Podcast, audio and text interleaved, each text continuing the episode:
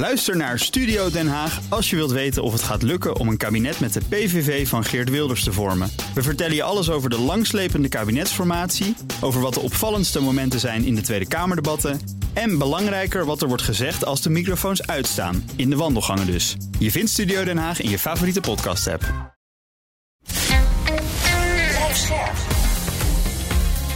BNR Nieuwsradio. Boekenstein en de Wijk.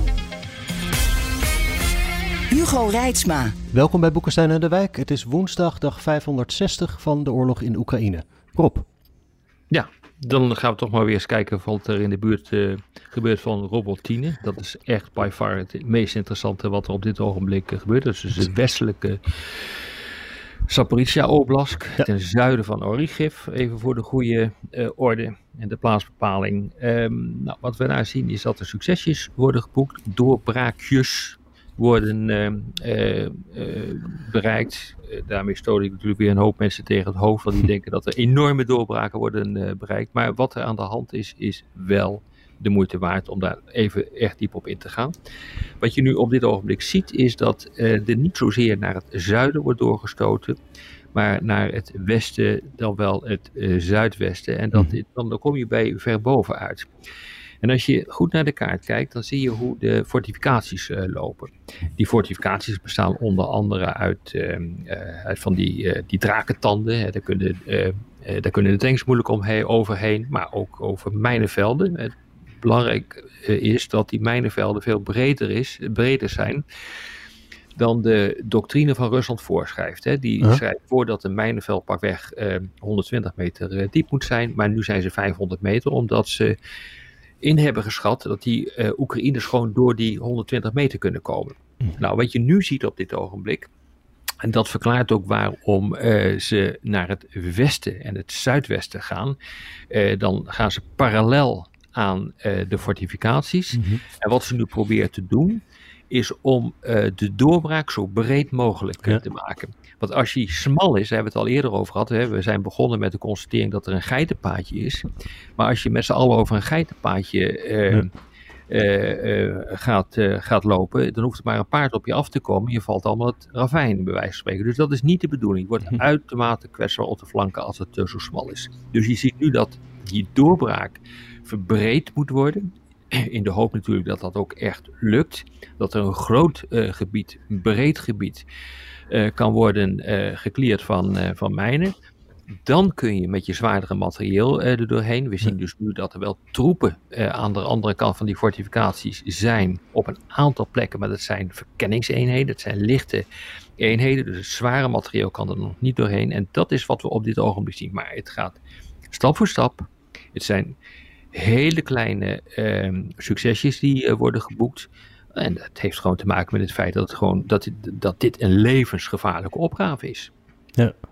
Ik zag ergens genoemd, Instituut voor de Study for, volgens mij, ja. dat ze dus inderdaad die, die bres verbreden en, en dat ze waarschijnlijk zijn aangekomen bij de tweede verdedigingslinie. Dat ze daar in de buurt zouden zijn? Ik vind dat, ik, het, ik vind dat nog moeilijk om dat uh, uh, op die manier uh, te doen.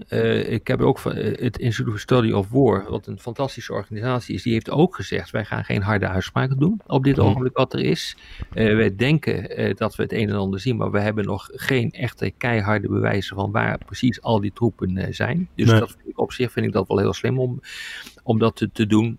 maar je moet echt je realiseren uh, dat de vraag wat er dan aan die tweede linie staat, dat hmm. dat buitengewoon belangrijk is. Zijn ja. dat lichte verkenningseenheden of zijn dat hele tankkolonnes? Nou, dat ja. laatste is gewoon niet het geval. Nee. Uh, dus wat er dan gebeurt, uh, is dat inderdaad, de, zoals het zich nu laat aanzien, de volgende linies spaarzamer zijn voorzien van mijnenvelden. Dat komt omdat die mijnen allemaal gestopt zijn in die hele brede strook van 500 uh, meter.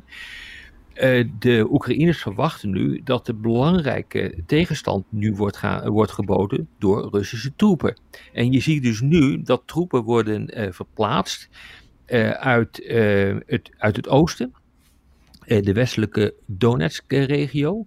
Dat zijn luchtmobiele eenheden, die worden nu verplaatst. En de, Rus eh, de Oekraïnse troepen in dat deel van het front proberen nu, proberen nu te voorkomen dat die eenheden daadwerkelijk de Russische eenheden rond Robertine kunnen versterken. Hm. Dus dat is nu wat er op dit ogenblik aan de hand is. Althans, dat is mijn inschatting. Rob, even een technisch vraagje. Van, uh, ze zijn die eerste linie voorbij. Hè? Ze gaan dan, er staan dus geen tankkolonnes klaar om. Uh, nou, die staan wel klaar, maar die zijn, zijn er nog lang niet Nee. bij die tweede linie. Als je bij de tweede linie met die tanks zou komen, die zijn er dus nog niet. Dan heb je dus weer die drakentanden. Hoe kan je nou die Ja, maar daar, die is dus li- lichter, eh, voor zover ik het kan zien, is die, eh, zijn dat lichtere linies. Ehm, eh, maar daar zul je dus daadwerkelijk door Russische troepen moeten worden eh, tegengehouden. En natuurlijk zijn er ook van die drakentanden en schuttersputten en, en stelsels. eh, dat is er ook allemaal. Alleen het is iets minder, is, het is iets minder hevig. En, eh, wat een groot probleem voor de Russen is trouwens, is dat ze echt een groot probleem hebben met de, hun capaciteit om de artillerie van de tegenstander uit te, te schakelen. Hmm. Dat doen ze door middel van eh, eh, MLRS'en, dat zijn die meervoudige raketwerpers. Eh, daar gaat 220 mm eh, eh, munitie in of 300 mm. Dus dat is echt groot. Dat zijn van die halve raketten. Eh, doen ze ook met drones, Lancet drones. Het probleem is alleen dat ze te weinig hebben.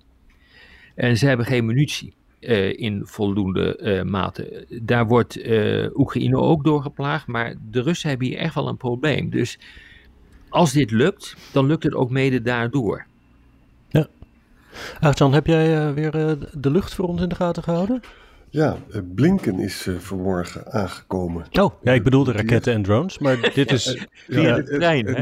Ja, via de trein. En altijd als hij daar aankomt, dan eh, is er een volley, staat er in het Engels al zo mooi, van kruisraketten. Eh, en die zijn overigens allemaal neergehaald eh, bij Kiev. Maar Kiev staan dus veel eh, Patriots, hè? dus dat Ja. kan ook. Ja.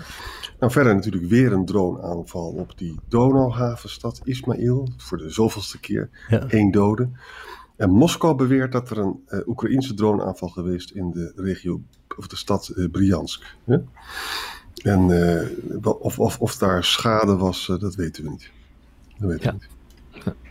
Er was ook nog een interessant verhaal. Ja, het is wel een beetje onduidelijk. Je had maandag die eh droneaanval ook op Ismail. Hè? En toen zeiden de Oekraïners, er is er eentje op Roemeens grondgebied terechtgekomen. Ja. Roemenië houdt bij de hoge laag vol dat dat niet geval, het geval is. Maar ik zag meerdere hè, verschillende eh, experts op het gebied van geolocatie. Dus dat je kijkt op basis van beelden en kaarten waar iets precies is. En dan moet je met hoeken gaan rekenen. Dat is allemaal heel ingewikkeld. Ik kan het verder niet beoordelen. Maar de, meerdere van die deskundigen die zeggen op basis van de beelden absoluut zeker dat er toch echt één aan de Roemeense en dus aan de NAVO-kant van de rivier is geland. Ja, nou, dan mag je toch verwachten dat de Roemenen daar wel op reageren. Ja. Maar die, die- ik hoor daar niks van. Nee. Jullie toch ook niet? Roemenen, eh, in het begin hebben ze totaal alles ontkend. Dat houden ze nog steeds vol. Het is onzin, zeggen ze. Mhm. Nou, dan ga ik dan maar speculeren waarom ze dat zeggen. Ik kan me dus ook voorstellen van... eh, ja, ze, ze, ze- wat moeten ze doen als het echt waar is? hè?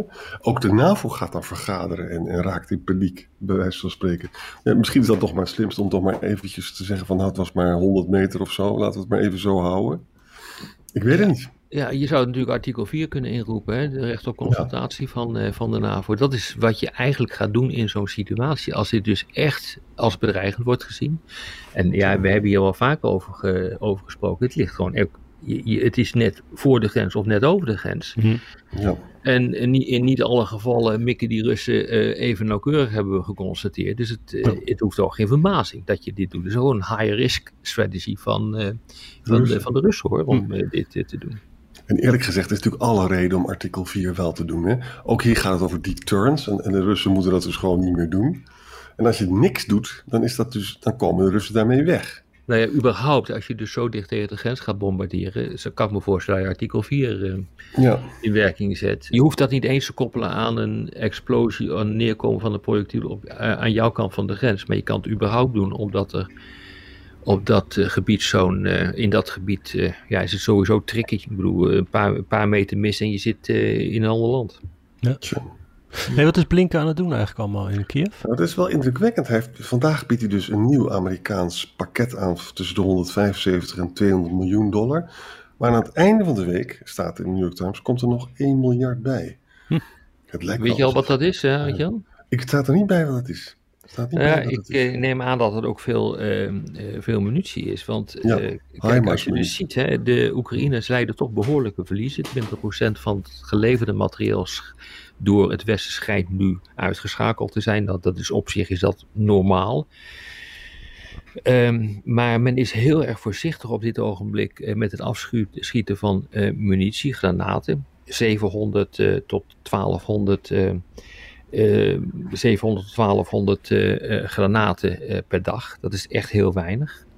Ehm, ja, het is een gebrek aan stafcapaciteit. Dat heeft te maken met het, met het oefenen eh, van je troepen. Dus dat, daar moet ook veel meer aandacht eh, eh, voor komen. Dus eh, er zitten een aantal eh, problemen bij de Oekraïners. eh, en ik neem aan dat daar ook over zal worden gesproken om dat, om dat te verbeteren. Ja, en, en Blinken gaat vooral ook praten over. Ik wil graag uit de eerste hand horen. Het is over een jaar geleden dat Blinken er was. Hè? Ja. En hij wil uit de eerste hand horen welk, wat, wat nou dat contra-offensief van de eh, Oekraïners inhoudt. Want je weet, allemaal Amerikaanse ex-generaals hebben daar kritiek op geuit. Hè? Dat ze niet te veel gefocust, niet te veel ge- Mm. niet genoeg geconcentreerd waren. Dus andere experts zeggen weer dat ze de, die kritiek niet juist vinden. Maar goed, er zijn ook speculaties, maar het zijn allemaal speculaties, dat die benoeming van eh Umerov, dat is een Krim-Tartaar, dat zou betekenen dat die man zich vooral gaat inzetten voor het bevrijden van de Krim. nou, we weten niet of dat waar is, maar het is wel zo dat de Amerikanen daar sceptisch over zijn. Dus daar zou ook over gesproken kunnen worden. Maar kijk, Arend-Jan, eh, die, eh, die, die Krim die is ook al door de hoogste militair van Oekraïne be- bestempeld Ja. als het s- center of gravity, het zwaartepunt. Ja. Dus dat betekent dat als je de Krim weet te pakken, dan eh, rol je veel makkelijker eh, de hele boel op, althans de Russische troepen op. Het eerste doel lijkt mij nu op een of andere manier eh, door te stoten in de richting van de Zee van Azov. Hoeft niet helemaal tot de eh, Zee van Azov eh, te komen, maar als jij in staat bent eh, om met wat langere afstandssystemen de hele logistiek te ontregelen, hebben de, dan heeft de Krim ook een geweldig probleem en dan kun je de Krim insluiten.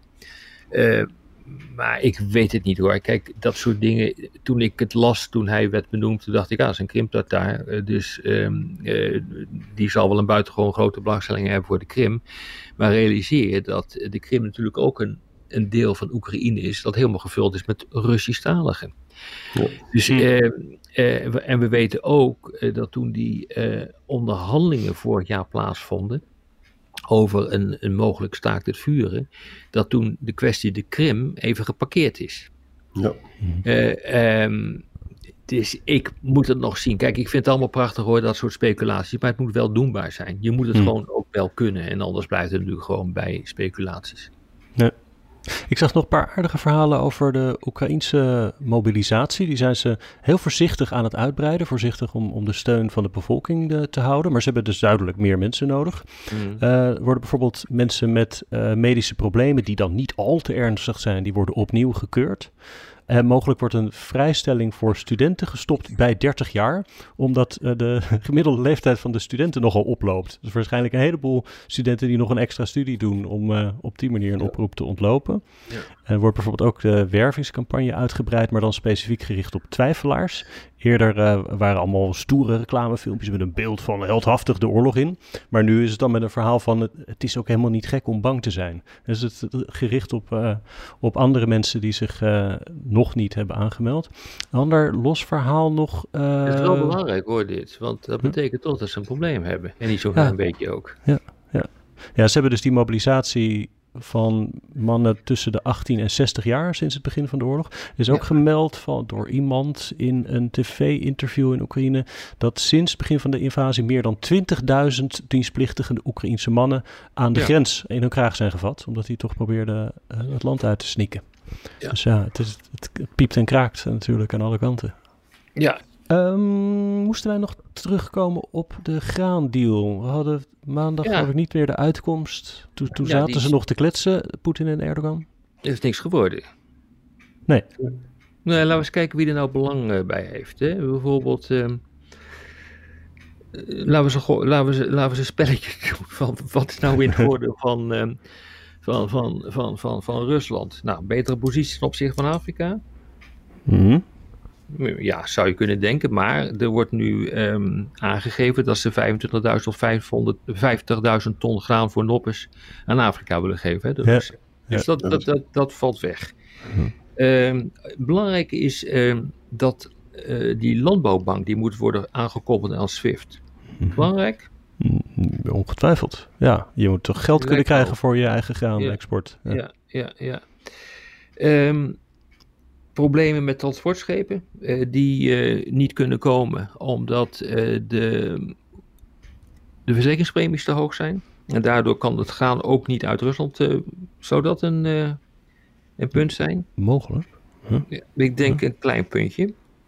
want ze zijn op dit ogenblik in de Zwarte Zee alles aan het doen om die verzekeringspremies op te hogen. Om ervoor te zorgen dat die uh, Zwarte Zee zo onveilig is dat je niet meer doorheen kan. Ja, ja. Nou ja, en dan een aantal zaken die, die tegen de deal uh, spreken. Uh, bijvoorbeeld, ze zijn eigenlijk aan het omschakelen naar een totale oorlog. Ja. Dus we, we, praten al weken nu over die grote droneaanvallen op recentelijk nog op de graanopslagplaatsen. Als je land kapot wil hebben, ja, dan moet je dat doen. En dan moet je ook geen graandeel natuurlijk af, uh, afsluiten. Ja, nou, logisch. Um, ja, dus um, je kunt op deze manier natuurlijk uh, problemen voor de NAVO creëren. Door die aanvallen op die havens nabij de Donau. Daar hebben we het net over uh, gehad. Um, ja, dat probleem met die, met die verzekering, wat ik net heb gezegd, is denk ik on, onoplosbaar. Zwarte Zee wordt inderdaad nu meer en meer een oorlogsgebied. Moeten we echt wat meer nog naar gaan kijken hoor, de komende dagen, weken, wat daar nou precies uh, hm. uh, gebeurt. Ja, weet je, als je dat toch allemaal bij elkaar optelt en aftrekt, dan moet je constateren, denk ik, uh, dat, ja, dat Poetin helemaal niet zoveel belangstelling bij zo'n bij zo'n graandeal heeft.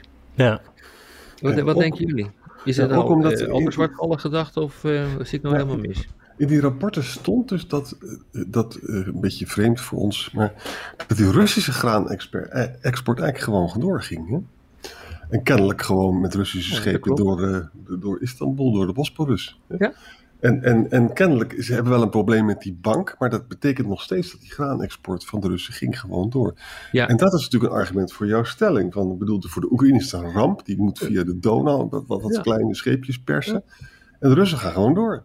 Nou, als je bezig bent met een totale oorlog, dan moet je dus niet die graandeel door laten gaan. En die, die landbouwbank, uh, die is afgekoppeld van SWIFT. Daarvan heeft de Europese Unie al gezegd, als dat een probleem is, dan uh, koppelen we weer aan. Uh, dus um, nee, volgens mij wil hij dit gewoon niet. Hij is bezig iedereen een beetje aan het lijntje te houden.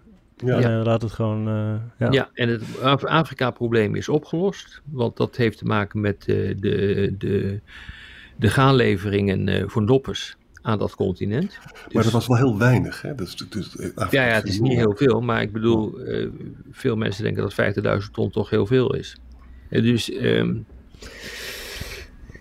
ik, ja, nee, dat is toch wel mijn conclusie. Dat, uh, dat er geen, gezegd, geen belangstelling voor Poetin doet het vrij briljant. Hè? Moet je je voorstellen, ja. zijn graanexport, dat verdient hij nog steeds geld mee.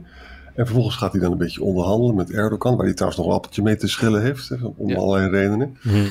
En dan gaat hij gewoon zeggen: Het is een schande dat het Westen die, die SWIFT niet aansluit op die agrarische bank. Ja. Dus dan bouwt hij dus een grief op, terwijl dus de status quo is in zijn belang en niet dat van ons. Ja.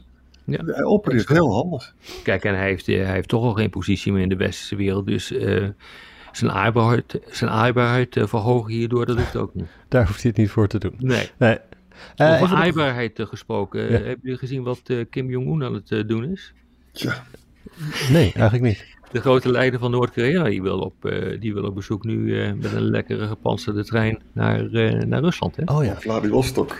Ja, en dat, ja, ik heb daar eens naar gekeken. Ik weet niet wat jullie ervan denken, maar ik, ik vind dat wel boeiend hoor, wat daar gebeurt. Kijk, als Rusland inderdaad een deal weet te sluiten met de grote leider van Noord-Korea ja, kijk, de meeste wapensystemen van uh, Rusland die stammen uit de Sovjet-tijd. De Sovjet-Unie heeft meegeholpen om het leger van Noord-Korea op te bouwen. Dus daar liggen echt wel de munitievoorraden en de reserveonderdelen. Mm -hmm. En sinds 1953, dat was 1953 hè, heeft Noord-Korea geen oorlog gevoerd. Maar ze hebben wel uh, behoorlijke arsenalen opgebouwd. Dus daar is voor Rusland veel te halen hoor. Ik zie ook wel dat de, eh, met name in Amerika eh, men daar toch wel zenuwachtig eh, door wordt. En ja, je kunt ook zeggen dat wordt een win-win situatie. Want Noord-Korea heeft een technologieprobleem met betrekking tot zijn raketten die aan het ontwikkeld is, nucleair dus. Economisch is het een zootje. Dus daar kan die ook nog een keer misschien iets aan hebben om een, een goede relatie met de goede relatie met Rusland verder uit te bouwen. Dus ja, het is wel win-win hoor. Hm. Het is wel iets wat we echt goed in de gaten moeten houden valt me wel op dat de grote leider, de omvang van de grote leider neemt steeds toe. Heb je het gezien? Die, nog verder? Steeds, ja, nog grotere pakken zijn er nu aangetrokken. Ja, hij is waarschijnlijk de enige die te eten heeft in dat land. Ja, precies. En hij zegt ook van, ja, hij is zo paranoïde, zoals al die uh, leiders, dat hij misschien toch niet op de trein stapt. Uh, als, als die trein gaat vertrekken naar Vladivostok. Nou, hoe doet hij dat dan? Op de fiets ja, dan, gaat hij, dan gaat hij via Teams gaat hij, uh, die munitie verkopen. Wordt gewoon gezegd, hè? Dat vind ik allemaal zo geestig, vind ik. Ja, maar het is ernstig hoor, want het is inderdaad, uh, Noord-Korea heeft Russische munitie. Hè? En dat heeft Poetin heel erg nodig. Ja. ja. Even nog, Azian, je had iets over Slowakije? Ja, jongens, ik, ik, weet je, ik, het zijn twee dingen waar ik eh, in mijn schaarse tijd, want ik moet heel hard werken, probeer aandacht aan te blijven. Niet, hoor. Dat is één, uh, dat is de, wat, wat de Amerikanen, wat in de Amerikaanse politiek gebeurt ten aanzien van uh, Oekraïne. Want er zijn dus eigenlijk steeds meer mensen die zich afvragen of ze er al mee door moeten gaan. Hè? Mhm. Maar ook in Slowakije rommelt het. In Slowakije, er is geen verkiezingen 30 september. Die meneer Figo, een grappig ah. populist, ja, die is gewoon tegen die steun aan, uh, uh, aan uh, Oekraïne. en, en weet je hoe die politiek dan dus gaat? Hè? Dat is zo interessant. Het verhaal begint met, met een briljante Russische ambassadeur in Slowakije. Wordt, die ochtend wordt ontdekt dat er allemaal weer massagraven zijn in Oekraïne, waar de Russen dus massaal mensen hebben doodgeschoten. Nou, dat moet dan natuurlijk even worden afgeleid. Dus wat zegt de Russische ambassadeur in Slowakije? Ja, er zijn allemaal Russische graven uit de Eerste Wereldoorlog in Slowakije zijn onteerd. Nou, dan denk je, het is allemaal niet waar. De politie zegt ook, is allemaal gewoon onzin. En vervolgens uh, wordt de burgemeester, die dat dus allemaal uh, gezegd heeft dat het niet waar was, die wordt dus niet herkozen. En nu zit er dus een burgemeester die ook een populist is.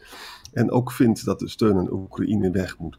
Nou, dan ga ik je percentages laten uh, luisteren die, waar je echt van schrikt.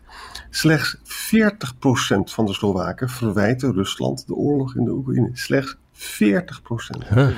In Polen is dat 85%. In de Tsjechische Republiek is dat 70%. Hè?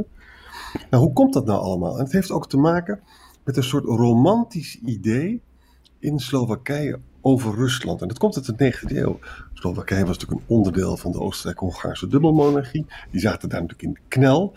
En die hadden natuurlijk het idee dat ze naar, eh, naar de slavisten moesten kijken, dat ze naar de Russen moesten kijken. Hmm. Dat zit er dus nog steeds. Hè? Hmm. En verder is het zo dat ze, er zijn dus nu pro-westerse Slowaken sinds 2020 aan de macht. Hè? De bevolking is daar zeer ontevreden over. Uh, en uh, ja, die Russische propaganda, die, die, die, die dus ongelooflijk intelligent wordt opgezet, hè, die valt dus een heel vruchtbare aarde. Dan heb je dus van die vreselijke anti-Amerikaanse news sites, de Halafna Spravi. Nou, die, dat gaat van dik hout zacht met planken. Hm. En ook zo'n motorclub, weet je, Brat Sabrat, dat is dan de broeder voor broeder. Die, is, die is gelinkt aan die Kremlin-nachtwolven. En dat vinden mensen wel prachtig in, in Slowakije. Hm. jongens, eh, ik wil niet dat... Eh, ik zou het niet leuk vinden als het in 30 september fout gaat met Fico. Mhm. en, en, Fico heeft dus helemaal dat discours, hij beschuldigt de NAVO dat hij zich gewoon inmengt in de verkiezingen. En dit is gewoon een oorlog tussen het Amerikaanse empire en het Russische uh, Rijk. Precies ook wat Thierry Boudet allemaal loopt te zeggen. Hè? Ja, ik ben er niet nou, hij was natuurlijk al toch al eerder aan de macht. Uh, ja, hij was, ja, hij was een oud, is een oud prime minister. Ja, zeker. Ik, eh, ik, nou ja, u weet, ik kon al eens een keer in Bratislava. Uh, geweldige Globsec-conferentie. Hm. Ja, daar kwam die man natuurlijk ook altijd langs. Ik vond dat nou niet echt iemand waar ik uh, torenhoog tegen opkijk. Hm. dat was gewoon, ja, als je, als je daar was en mensen als Orbán en Fico uh, die spraken, uh, dan ging je daar absoluut naar, uh, naartoe. Omdat je dan, ja, laten we zeggen, het in onze ogen foute verhaal kon horen. Ja, exact. En weet je wat zo erg is, jongens? Als deze jongen wint, dan staat dus Orbán niet meer alleen. Hè? Ja, ja. Nee. Het was net zo leuk dat we hem geïsoleerd hadden. Het zou rampzalig voor de EU zijn als dit gebeurt. Ja. Moeten we in de gaten houden. Ja, wanneer zijn die verkiezingen? 30 september. Ja, dat is wel heel snel. Dat is heel snel. Staat genoteerd. Dank voor vandaag en tot morgen. Tot morgen. Tot morgen.